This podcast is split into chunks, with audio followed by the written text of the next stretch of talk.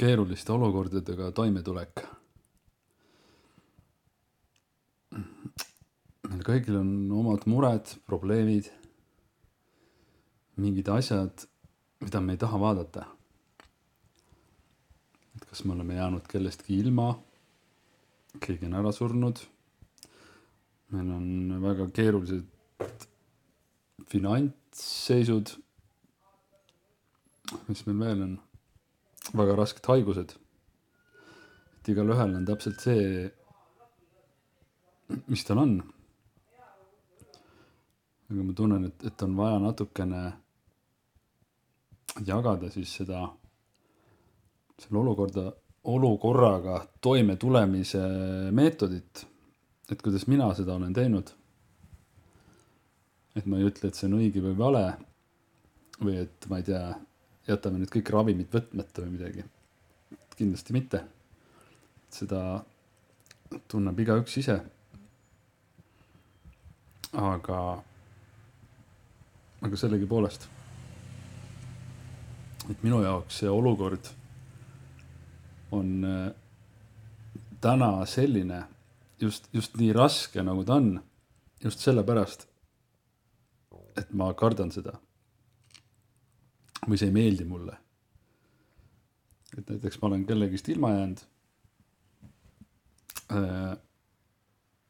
siis tegelikkuses ma ei taha selle peale mõelda, sest mul on justkui nagu süda on katki. ja, ja samamoodi näiteks ravimatud haigused või keerulised olukorrad. ma lihtsalt ei, ei suuda mõelda selle peale. siis seal, seal taga tuleb või seal taga on sisuliselt surmahirm. no samamoodi tegelikult ka finantsolukord, kui me ei tea, mis meid nagu siis homme-ülehomme ees ootab. nii ja siin, siin ongi variant, et, et tavaliselt me hakkame siis midagi tegema. et eh, loputame oma muresid alkoholi sisse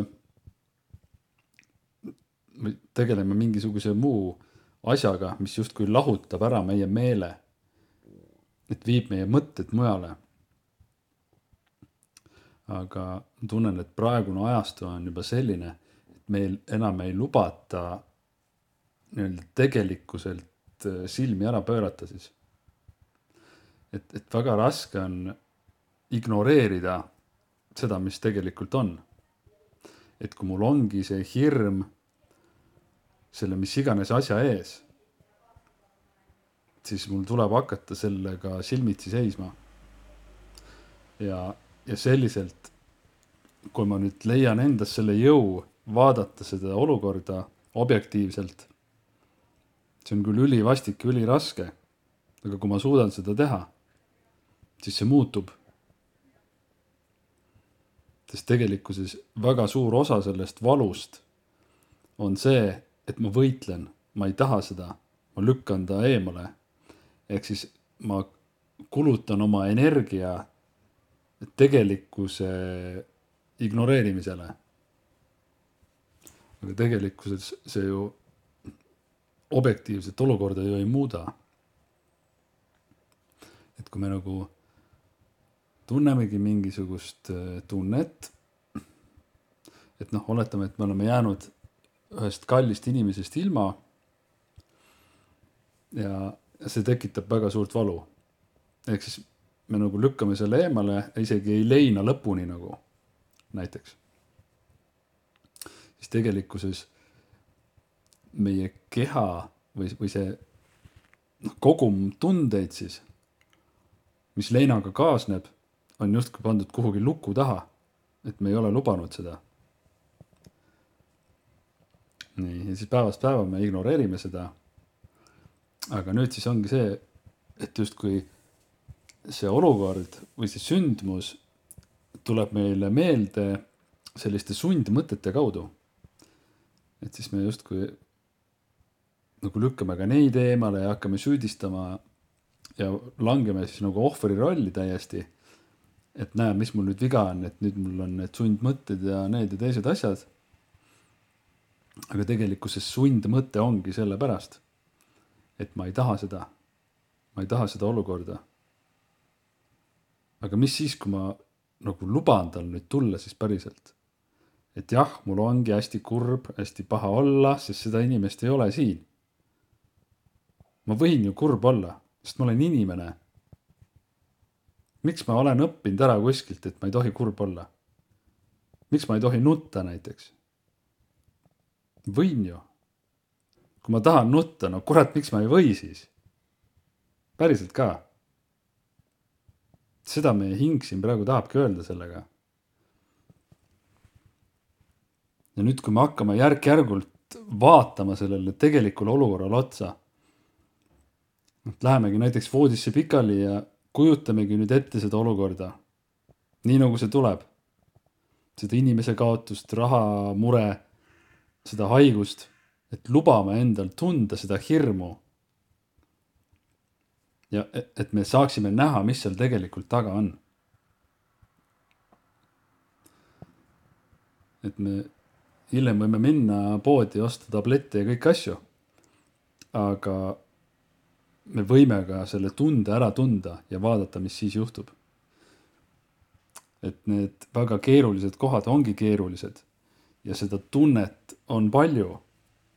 see võib olla, ma ei tea, pool aastat näiteks järjest mm, päevas näiteks tund aega tuleb selles istuda erinevate nurkade alt.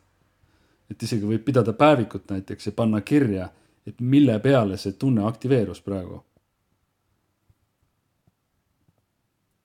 et, et selliselt on võimalik nagu märgata seda muutust. Et justkui on tunne, et mitte midagi ei muutu, et see kõik on mõttetu, aga tegelikult kogu aeg muutub, et see suur murekoorem on justkui nagu see sibul, mida ma koorin päev-päevalt. sest et ma ei ole suuteline võtma vastu kogu sibulat korraga. siis ma võtangi väikse tüki. õigemini mu hing annab mulle seda tükki. täpselt nii palju, kui ma olen suuteline praegu vastu võtma. aga kui ma ignoreerin seda, võtan mingit, ma ei tea, uimastavaid asju mida iganes, siis tegelikult ma isegi ei puutu seda sibulat et ma näen, et see sibul on, aga ma tunnen, et see käib mul üle jõu ja siis ma ei võtagi seda. aga tegelikult selliselt see sibul ju ära kaduda ei saagi. et mina tunnen küll, et eh, meil on vaja vaadata neid kohti. et selles ongi mm, see valu nagu peidus. et me ei taha just, et igasugused, need olukorrad, kus meid jäetakse maha näiteks või. et see on lihtsalt nii valus, et me ei aktsepteeri seda. paneme kohe mingi plaastri peale sinna. aga võib-olla ei peaks. et sellised lood. et ma soovitan proovida seda vähemalt, proovida tunda. sest inimene on noh inimene on selline ole, olend, kes on võimeline tundma ja teadma, mida ta tunneb. et need tunded ei ole niisama meile antud. aga iga kord, kui me need tunded ära lükkame, siis tekib sinna mingi kuhi. ja mina näen seda niimoodi, et lõpuks see kuhi või lõpuks sellest kuhjast saab kasvaja. Et kasvaja ei ole ka lihtsalt jumala poolt antud nagu, et palun võta, et mul on praegu igav vaid see on suures osas meie iseenda tehtud. sest me ei taha mingit asja, mingit häbi, mingit süüd, mingit hirmu mingi olukorra ees. ja sealt need asjad tulevad. et äh, uskuda ei ole vaja seda, aga järele võiks proovida. et siis saab praktilise kogemuse siit et mis juhtub, kui ma võtan vastu selle, mis tahab tulla päriselt. proovime